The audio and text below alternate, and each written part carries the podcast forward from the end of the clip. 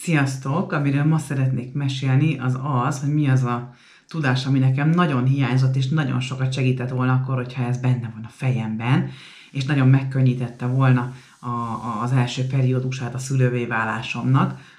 Hát a leges-leges-legelső, ami hiányzott nekem, és fontos lett volna, bocsánat, azt még mindenképpen szeretném beszögezni, hogy én nagyon-nagyon kontrollfreak vagyok, és mindennek szeretek előre utána járni, milyen kimenetele lehet ennek, annak, amannak, és amennyire csak lehet mindenre fölkészülni.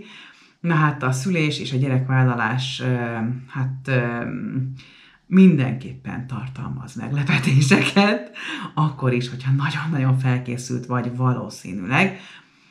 Én nem számítottam semmiféle könnyű menetre, arra sem számítottam, hogy milyen jó lesz, hogy egész nap csak mosolyogni fog a kislányom, és én meg majd csak egész nap gagyorászok neki, és amikor házi munkát szeretnék csinálni, akkor ő természetesen le fogja magát foglalni, illetve a második héten átalúszom az éjszakát, stb. stb. Tehát ilyen feltételezéseim nem voltak, sőt, mi több de ennek ellenére nagyon sok, nagyon durva meglepetés ért, és nagyon jó lett volna, hogyha valaki ezekre engem felkészít, vagy legalábbis valahol, valahonnan eljutott volna hozzám ilyen információ, ami ezekkel kapcsolatos.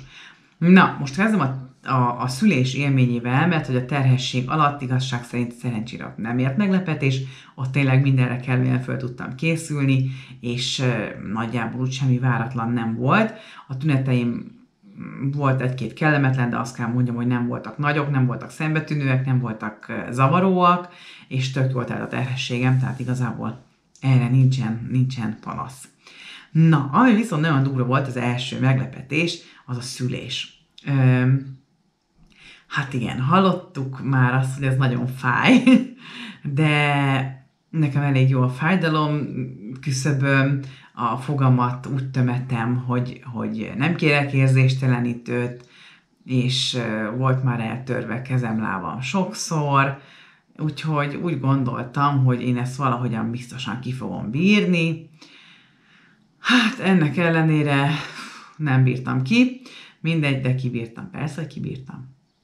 A lényeg az az, hogy az az információ, ami hiányzott nekem, az az volt, hogy előfordulhat a szülés során olyan fázis, hogy meggyőződésemmé válik, hogy én ezt a szülést nem tudom befejezni. Én nem tudom kipréselni ezt a gyereket magamból, és ez olyan durva meggyőződés volt nekem ott abban a pillanatban, mint az, hogy, hogy nem tudom, barna szemem van. Tehát, hogy így nincs kérdés, hogy én ezt a gyereket nem tudom kinyomni magamból.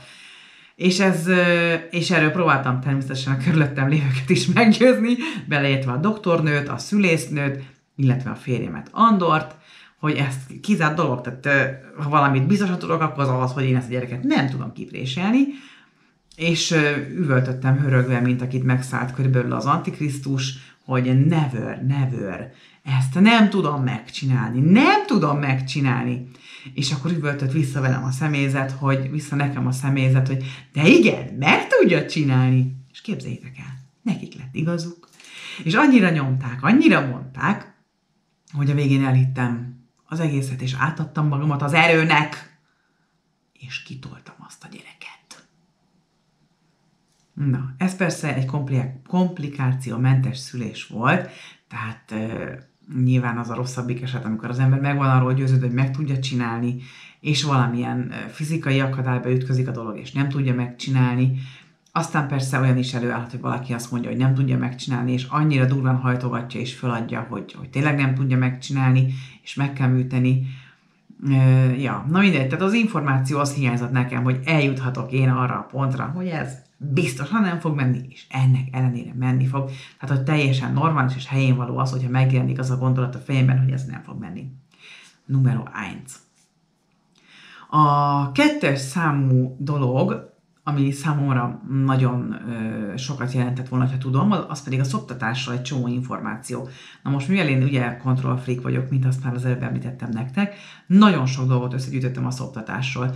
Megnéztem mindenféle videókat róla, gyűjtöttem anyagot, kutatásokat nézegettem, és akkor én leszűrtem azt az információt, hogy a nőknek nagyjából 97-96%-a az, aki anatómiailag képes a szoptatásra, és ehhez nagyon fontos, hogy támogató közegben legyen, akár egy szakember segítsen neki, akár pedig a családja támogassa őt, és higgyen abban, hogy meg tudja csinálni, akármilyen nagy nehézségek is gördülnek elé, át lehet ezeken a nehézségeken jutni, és, és akkor eljuthatod, az ember, hogy egy harmonikus, boldog szoptatásban vegyen részt sok-sok hónapon keresztül. Én azt gondoltam korábban, hogy hogy majd lesz, ahogy lesz. Ha így sikerül, így sikerül, ha úgy sikerül, úgy sikerül, nem bánom. És akkor neki kezdtem a szoptatásnak, és hát képzeljétek el, rettenetesen fájt. Um, annak ellenére, hogy tudtam, hogy hogy kell a babát csatlakoztatni, ez nagyon-nagyon fontos, ez a leges legfontosabb része. És annak ellenére, hogy volt ö, segítségem is, nagyon-nagyon durván fájt. Egyrészt ugye megdagadtak óriásira a melleim, olyan volt, mintha téglával lett volna tele, egy nagy gömb alakú téglával, és hát az is nagyon fájt, amikor csatlakozott rá az Eliza, és én konkrétan, hát egy olyan, nem tudom, így a harmadik hét tájékán körülbelül már 40 percen keresztül tudtam volna ismétlés nélkül üvöltve, sikítva káromkodni, annyira durván fájt, és konkrétan rá kellett harapnom a nyelvemre, hogy nehogy véletlenül halára rémítsem Elizát, mert annyira durván fájt de még szerencsés vagyok, mert nem volt semmilyen mm, egyéb komplikáció, nem tudom, elgyulladás, meg, meg tejlász, tejkő, nem tudom milyen dolgok vannak még, amik elég durvák, nekem csak simán nagyon-nagyon durva fájdalmaim voltak, és ez már eltartott egy, egy ideje, egy hete körülbelül, hogy ilyen tényleg nagyon durván fájt, és, és akkor én már annyira kimerült voltam abban a periódusban, hogy, hogy övsömöröm lett, ami a bárányhívlőnek ugye felnőtt verziója, és amikor elmentem ezzel az övsömőrrel orvoshoz, akkor azt mondta nekem a doktornő, hogy az a gyógyszer, amit felír nekem, az sajnálatos módon nem szoptatásbarát gyógyszer, vagyis nem lehet szoptatni Elizát, amikor én ezt a gyógyszert szedem.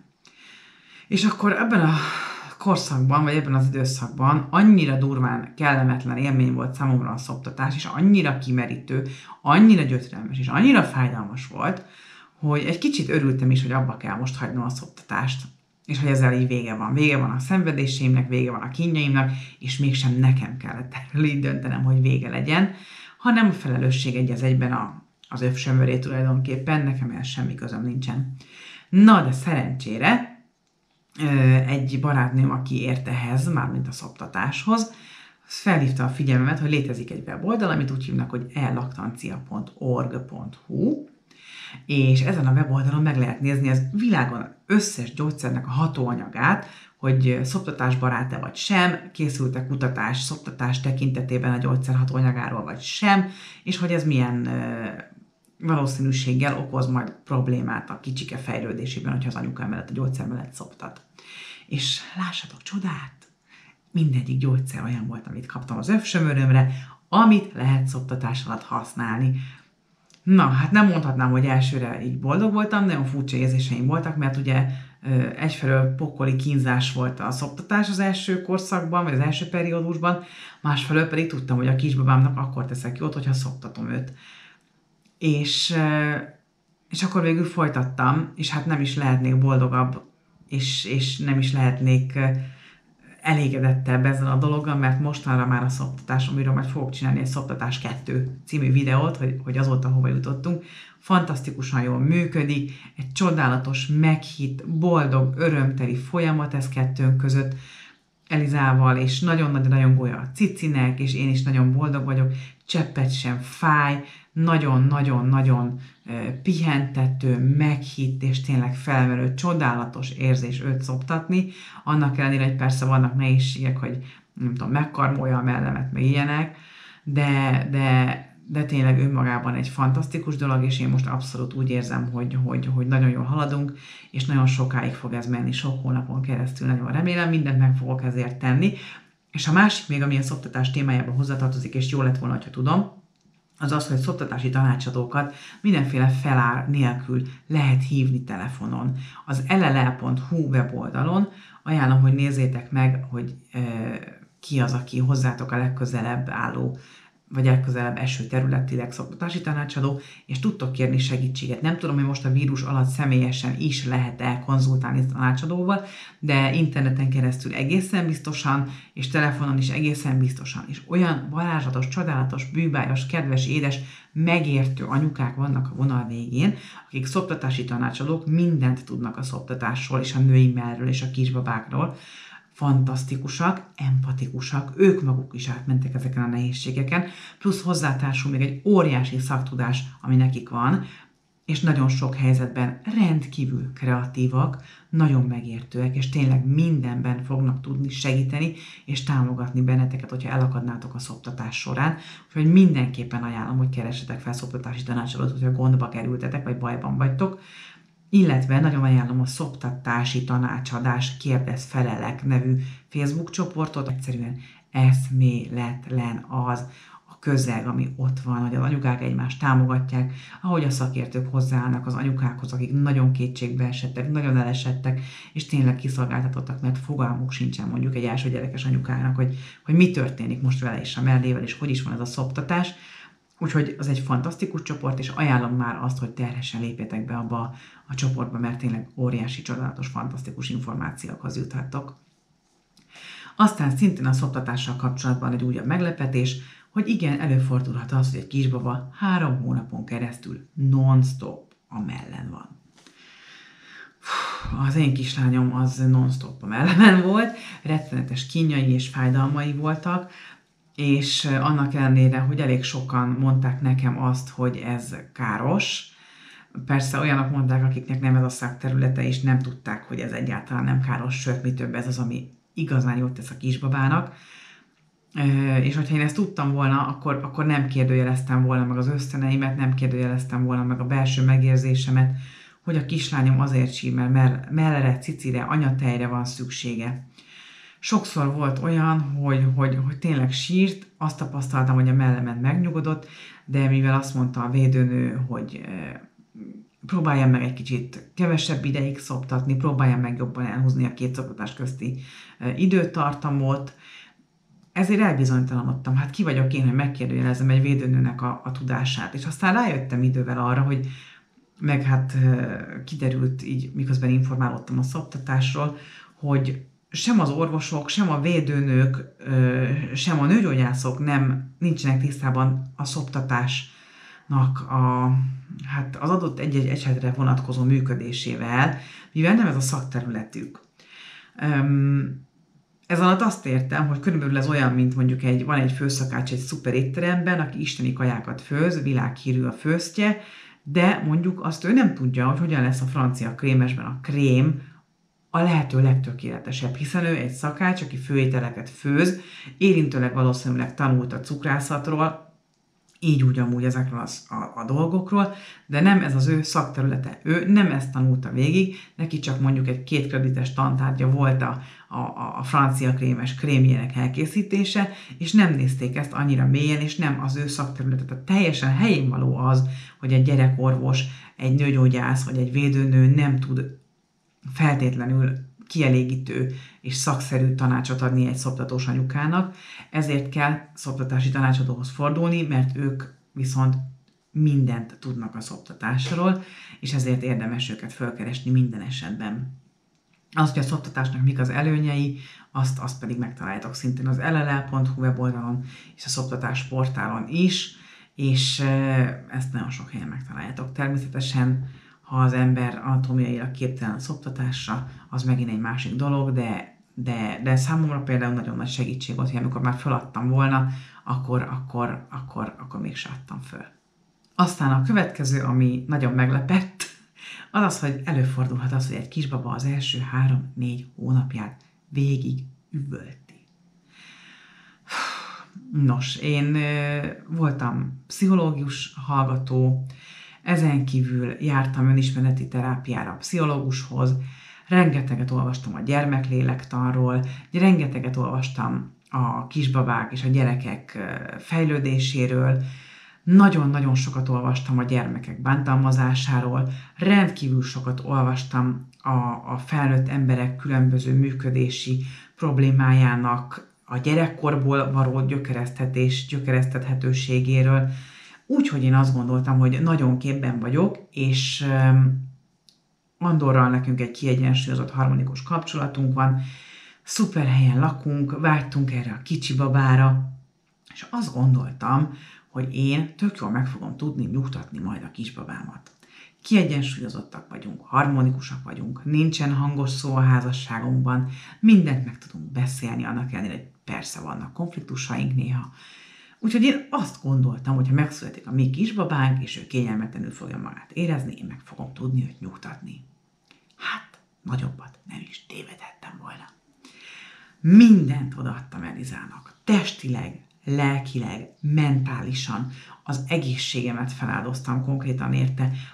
Eltelt úgy három hét, hogy másfél-két órákat aludtam, azt is kb. 20 perces etapokban, és még mindig nem volt elégedett a kislányom.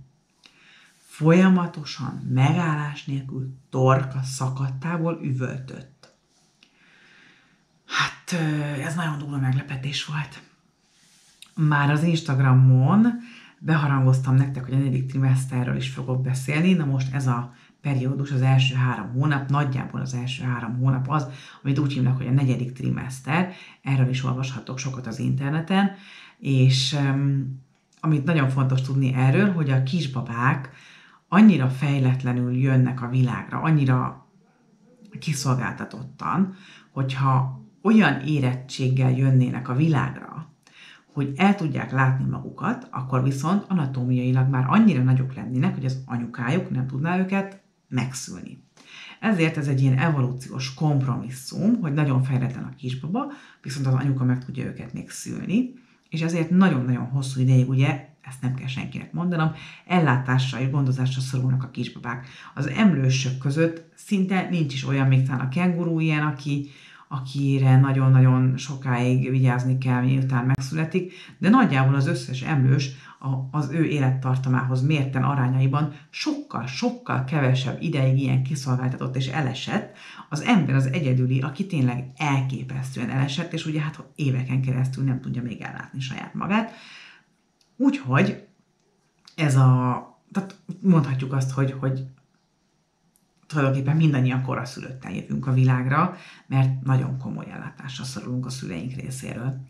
És ez a negyedik trimester, az az első három hónap az, amikor, ami egy átmenet tulajdonképpen az anyaméhben töltött élet, illetve az odakint töltött élet között, és az anya melle az maga a, a köldögzsinór és a kapocs. Ha valaki úgy tekint a szoptatásra, mint evésre, akkor teljesen jogos, hogy elvárja azt, vagy azt gondolja, hogy három-négy óránként eszik egy baba, akkor az elegendő, nem kéne, hogy éhes legyen. Egyébként teljesen mellékes, de az egy nagyon gyorsan emészthető táplálék, tehát nagyon hamar megemésztődik, nem, nem három alatt, hanem egy óra alatt egy óriási adag is meg teljesen megemésztődik. Na, de nem is ez a lényeg, hanem az, hogy a szoptatás az egyáltalán nem csak evés, hanem nagyon sok más dolog egyben, a szeretet, a biztonság, a megnyugvás, az elalvás, az immunrendszer, a bélműködés, az emésztés, a, a, hát ugye folyadék is, nem csak evés, nem csak táplálék, hanem a folyadék mennyiség is a, az anyatejen keresztül érkezik a babának, és hogyha már ezt így nézzük, ez, ez maga ugye a szeretet, a bizalom, és tulajdonképpen tényleg a köldögzsinór anya és gyermekek között még ebben a, a, a lecsengő periódusban, miután kijött a kisbaba az anyukája pocakjából, és hogyha már ezt ennyire komplexen nézzük, akkor érthető az, hogy, hogy egy kisbabát nem kell korlátozni, hogy, hogy mikor szeretne szopizni, mert ő neki tudnia sem kell, hogy miért megy éppen az anyamelhez, egyszerűen az ő beprogramozása jelez, hogy neki az anya mellére van szüksége, és hogyha a mellére, anya mellére kerül a kisbaba, akkor ő meg fog nyugodni. És én ezt annyira jól éreztem, és annyira, annyira, annyira tudtam, és annyira megtapasztaltam azt, hogy ez tényleg így működik, hogy nagyon. De közben ugye elbizonytalanítottak engem azok az emberek, akik körülöttem voltak, és nekik nem volt elegendő információjuk, de mégis azt gondoltam, hogy sokkal kompetensebbek nálam, érted? Egy védőnő, egy, egy, egy doki, vagy, vagy, egy, vagy egy anyuka, akinek már van két-három gyereke, azt gondolnám, hogy, hogy, hogy, hogy rájuk hallgathatok, de sajnos ez nincsen így, mert ők nem ismerik a szoptatás anatómiáját és ezt az egész folyamatot úgy, ahogyan a szakemberek ismerik ezt a folyamatot. Úgyhogy nem kellett volna senkire hallgatnom. Sokszor volt, hogy, hogy úgy sírt Eliza, hogy nem adtam neki mellett, mert meggyőzött valaki arról, hogy biztosan azért fáj a hasa, mert túl sokat szopizott, ilyen nem létezik. Ha valaki egyébként belássa magát ebbe a témába, fog megbízható forrást találni, ami tényleg erre vonatkozik, hogy, hogy, hogy nincsen ilyenről szó, és minden nyekre érdemes a kisbabákat merre tenni, és ez hozzájárul ahhoz, hogy ők boldogok, kiegyensúlyozottak és nyugodtak legyenek, hogyha nem olyan rettenetesen hasfájósak, mint az én kislányom, aki három hónapon keresztül a mellemen volt, és ennek ellenére rettenetesen gyötrelmes volt neki az életkérdése.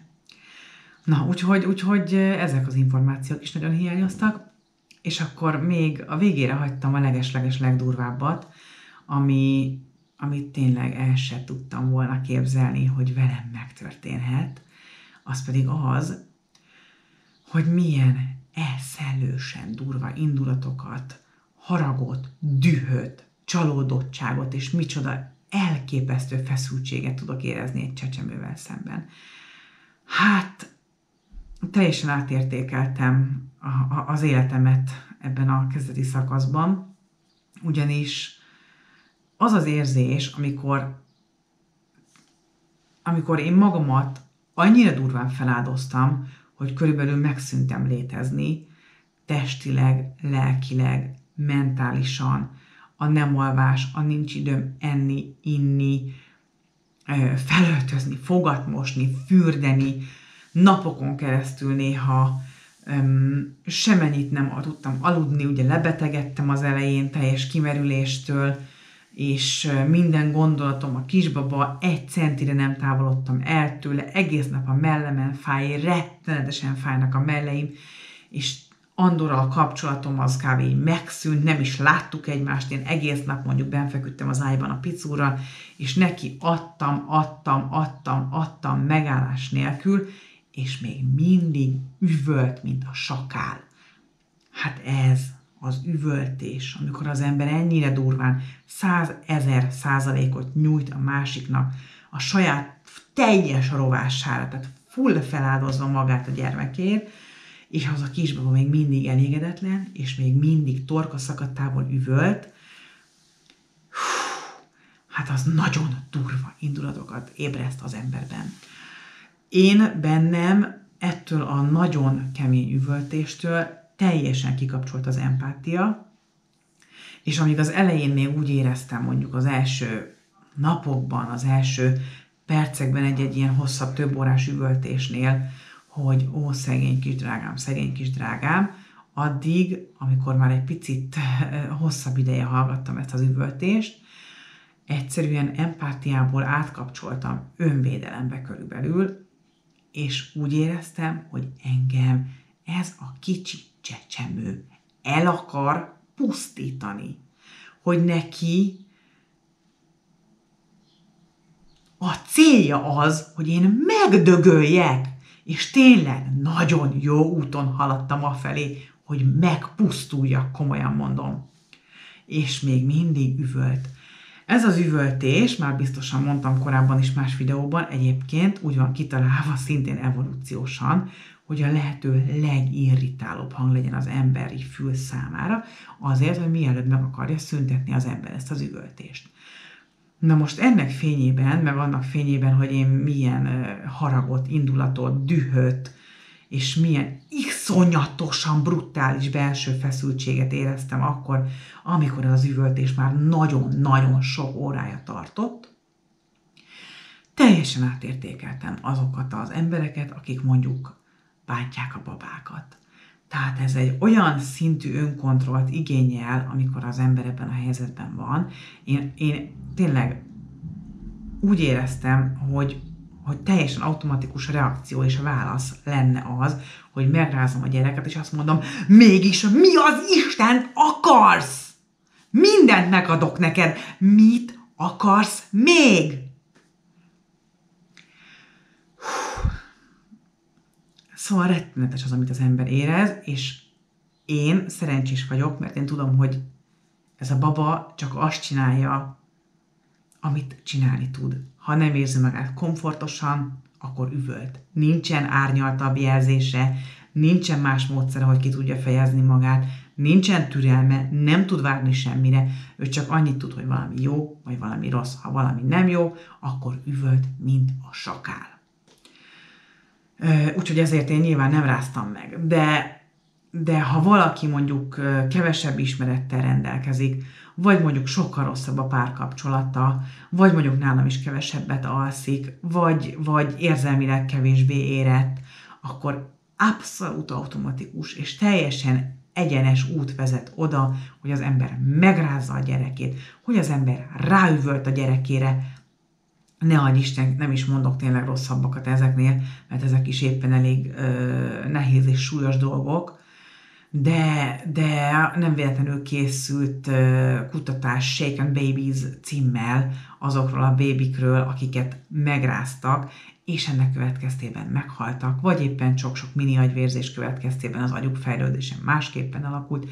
Úgyhogy rettenetes következményei vannak annak, hogyha az ember bánt egy ilyen kicsi babát, de ezt mondjuk mindig is tudtam, de annyira durva volt személyesen megtapasztalni azt, amikor tényleg úgy érzed, hogy ez a kisbaba ki akar téged nyírni, hogy, hogy tényleg abszolút el tudom képzelni. Természetesen nincs mentség arra, hogyha valaki bánt egy kisbabát, szó sincsen arról, de el tudom képzelni, hogy valaki nem tud mondjuk ennyire durván önkontroll gyakorolni, ahogy én szerencsés vagyok, és tudtam önkontroll gyakorolni, mert mondjuk volt ismeretem, és és, és jó párkapcsolatom, stb. Tehát, hogy én, én, én szerencsés helyzetben vagyok, de el tudom képzelni, hogy ha valakinek ennyire durván sírós kisbabája van, mint nekünk volt Eliza, akkor bizony tud ártani egy kisbabának, és ez borzalmas dolog.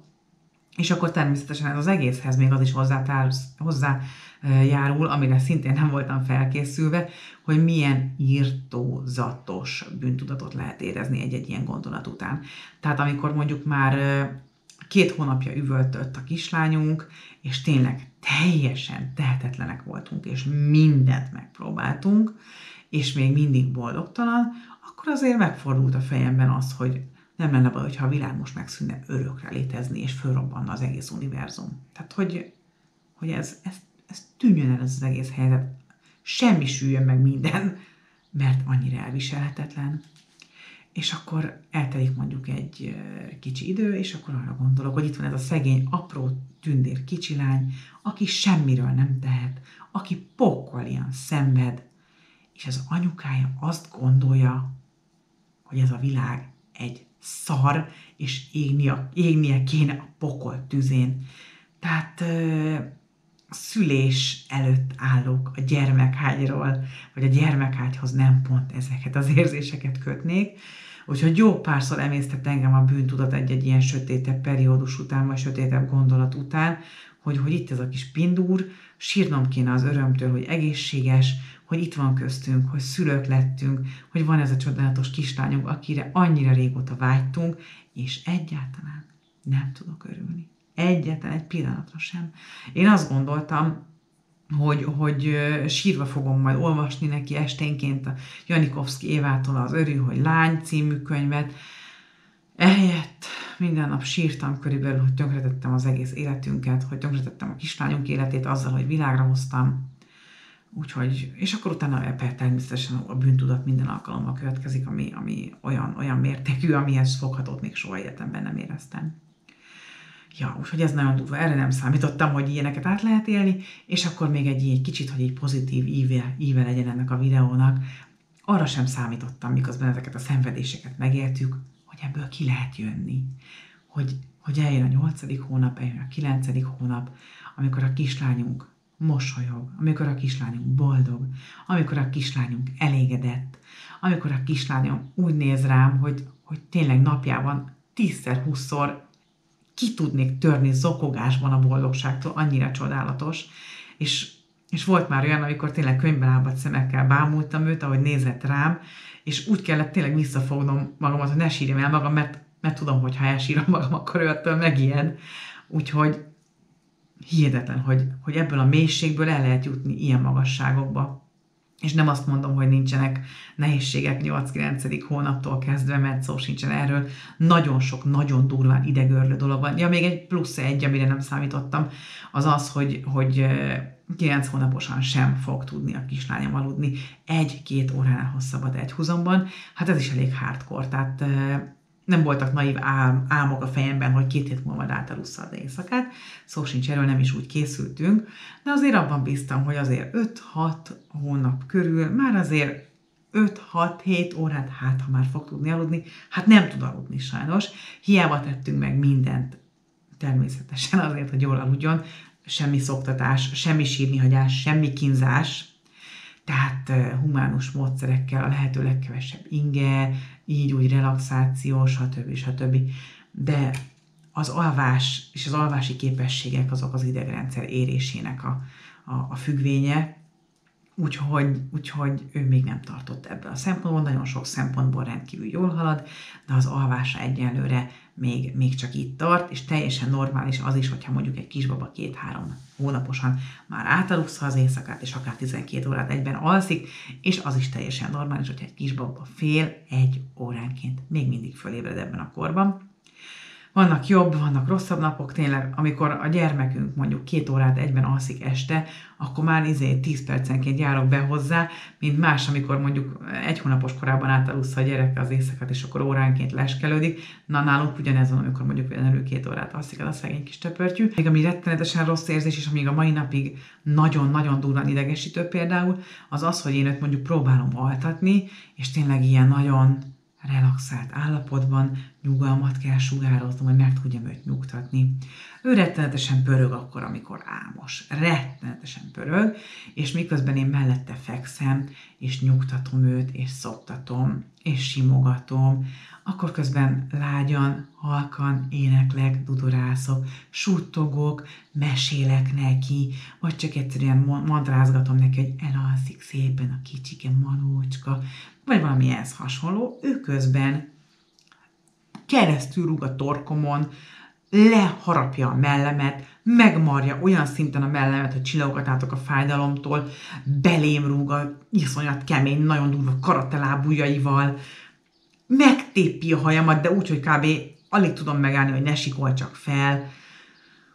Na, hát az egy másik dolog még, ami az ember idegrendszerét keményen próbára teszi, hiszen nyugodtnak kell lennem, ha ráordítanék, hogy aludjál már, kislányom! Hát ki az, aki parancszól le tud aludni? Sajnos senki.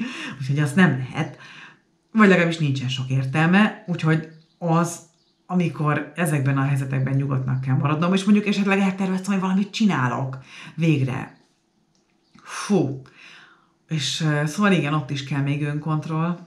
Úgyhogy ezek azok a dolgok, amikre mm, hát nem készültem föl, vagy, vagy nem is találkoztam ezzel, mert a környezetemben azért ennyire durván ö, rosszul alvó babák nem voltak, vagy legalábbis nem mondták az anyukák, hogy, hogy ennyire rosszul alszik a kisbabájuk, vagy ilyen nehézségeik lettek volna, ezért ö, nekem ezekről nem volt fogalmam. Hiába mondom, sokszor, sok éve érdeklődöm a téma iránt, és nagyon mélyen beleástam magamat ezekbe a dolgokba, de hát nem lehet soha elég mélyre ásni, hogyha az ember kisbabát vár és szeretne fölkészülni.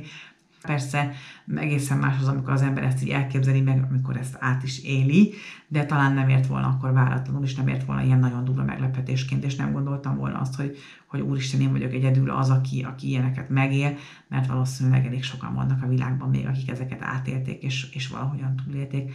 Na, hát köszönöm, hogy velem tartottatok. Kívánom, hogy, hogy, hogy ez, az ilyen típusú nehézségeket ez ilyen típusú nehézségek kerüljenek el messziről benneteket, legyen örömteli a terhességetek, legyen örömteli a szülésetek, és legyen nagyon-nagyon örömteli a születéstől kezdve az összes hónap folyamatosan, és kívánom, hogy legyen elégedett és boldog a kisbabátok, aki jól alszik, jól eszik, és örömét lelitek, örömötöket lelitek egymásban, ezt kívánom szívből, mert tényleg ez, ez, ez brutális. Lényeg az, hogy van kiút, minden nap történhet valami, ami eddig nem történt, Például nálunk egyik napról a másikra elmúlt a, a, a sírás konkrétan. Úgyhogy várjátok ezt a napot, hogy esetleg a babátok sokat sírna, és még picuska. Kitartást kívánok nektek, és legyetek boldogak kicsikétekkel. Sziasztok!